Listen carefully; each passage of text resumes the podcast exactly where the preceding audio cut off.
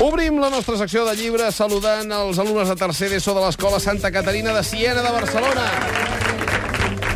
On Màrius pot fer algun apunt Sí. biogràfic. Sí, tu, tu sí, anaves diguem. a voltar? A, a voltar. A voltar-la, allò que se'n diu a festejar, saps? Uh -huh. A festejar, perquè, ho has dit molt bé, Barcelona, però podem precisar. Horta. Horta. Horta. I, I podem precisar que abans només hi havia noies. Només hi havia noies i anaven totes de blau. Ara veig que hi ha uns quants afortunats. Sí, eh? hi ha afortunats al darrere i van de colors diversos, la qual cosa també hem millorat, eh? Do- Però sí. aquell carrer Campo Amor era el camí per anar als Salesians d'Horta i per allà sempre hi havia nois Hola. que... Hola, què tal? Sí. I ens entreteníem, sí, sí. De moment els hi dediquem aquesta secció de Lectoràlia parlant d'un llibre que l'il·lustra Elvis Presley. Sí, senyor, un bon eh, començament d'il·lustració musical. Money cantava Elvis Presley. Sí, senyor, això és per il·lustrar un llibre del qual és una novel·la, de la qual eh, tindria primer el títol i després farem un parèntesi per l'autora, diguem. El títol es diu El banquer. Mm -hmm. És una novel·la publicada per edicions de 1984. Eh, li poso 4 L's, no, veig que aquí ara no surten impreses, però eh, molt bona novel·la. El parèntesi, l'autora és coneguda per altres afers, diguem. No és Pilar Rahola, eh? No. però és Núria Cadenes, a la qual segur que molta gent té amb un calaix de política per la seva, eh, diguem, militància o per les seves aparicions públiques. Eh, jo diria, això és la secció de literatura, estem parlant de lectoràlia, i jo diria, tots els lectors... Eh, els que li posen, diguem, un uh, plus favorable, com els que li puguin posar un plus desfavorable per les seves militàncies, que ho aparquin un moment. És una gran novel·la. És una novel·la arriscada. És una novel·la experimental, en el sentit que agafa un personatge històric, el banquer eh, Joan Marc, el de la banca Marc, aquest banquer mallorquí, que va tenir tot un règim a la mà i, diguem, que va traficar tant com va poder. Eh, eh, I, per tant, és un tema bastant actual, diguem. Mm. Ella el, el reanomena Miquel Lluc, és un trassumpte clar, però decideix no fer novel·la històrica, i aleshores ens va fent una tècnica que és el que és més agosarat des d'un punt de vista narratiu, però amb un llenguatge molt sòlid i molt ben tramat, flaixos eh, en la qual veiem el creixement on neix, diguem, l'ambició desmesurada d'algú que acabarà tenint el món a la mà. Eh, algú, eh, diguem, que mm, no té cap mena d'escrúpol moral i algú que travessa totes les línies roges, no? I en aquest sentit és, a l'àmbit de la ficció, una novel·la molt ben trebada, només te'n posaré un exemple. El dia que decideix que eh, és un nen i decideix que serà banquer, que, que farà un banc, eh, li ve tot d'una mena de picassó d'uns ganglis que té a la, a la xella, diguem, eh? Dit així, pot semblar una trivialitat, però, ja ho deia Rodoreda, diguem, a les novel·les els detalls són els que acaben sent més, més, més uh, forts, més potents, o en tot cas més il·lustratius.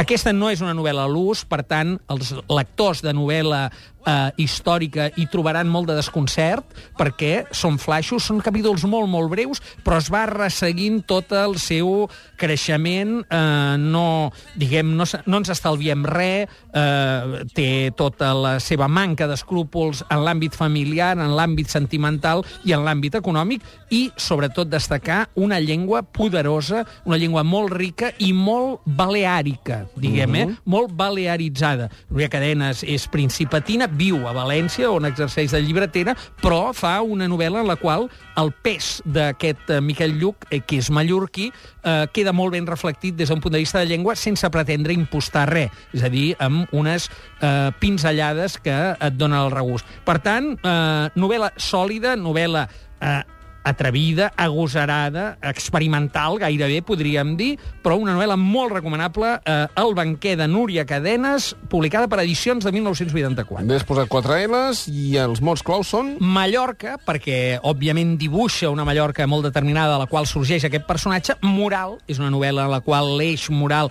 és definitiu, riquesa i poder, i també, també, també, feblesa. Le nom de Marco Polo.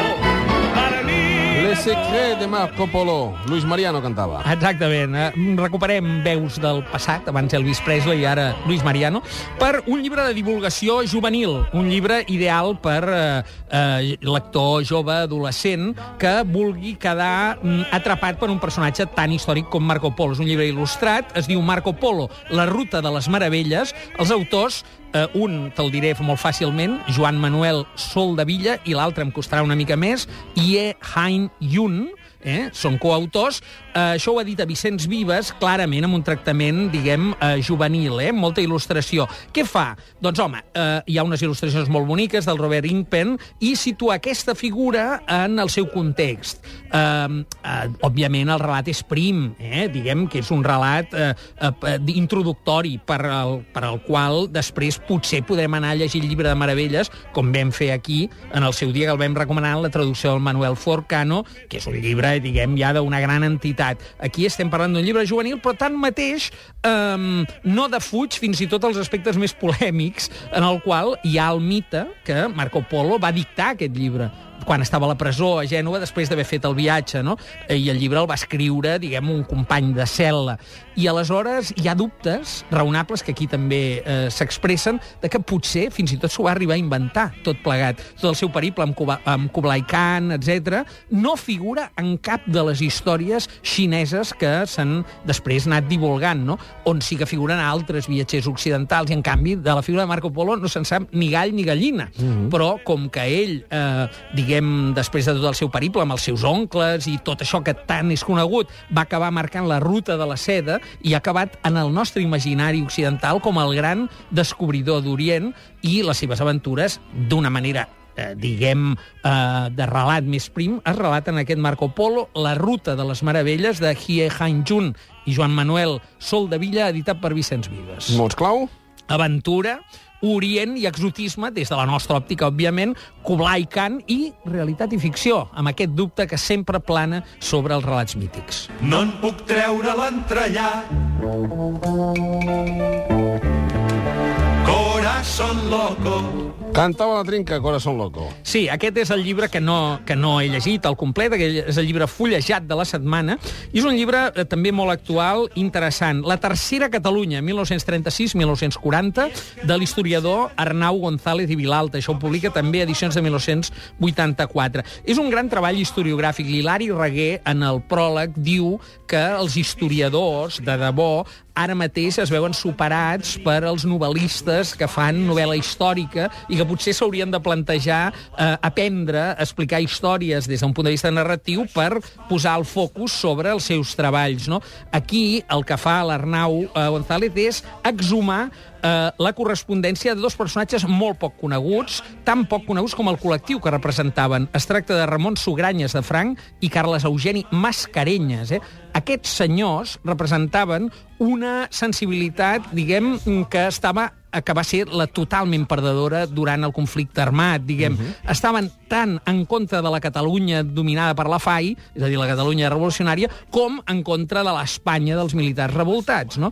I aleshores és interessant veure com no són dos casos aïllats, en Sobranyes de Franc i en, i en Mascarenyes, sinó que representaven un col·lectiu petit des del punt de vista eh, polític i que va quedar mm, absolutament absorbit i perdut no? en el nostre imaginari. Que ara s'exhumin unes cartes en un període tan convuls també ens dona sempre un matís més per veure que la història sempre és molt més complexa que la que acaben escrivint tant els vencedors com els perdedors que retornen i que poden intentar retombar el relat de la història. No?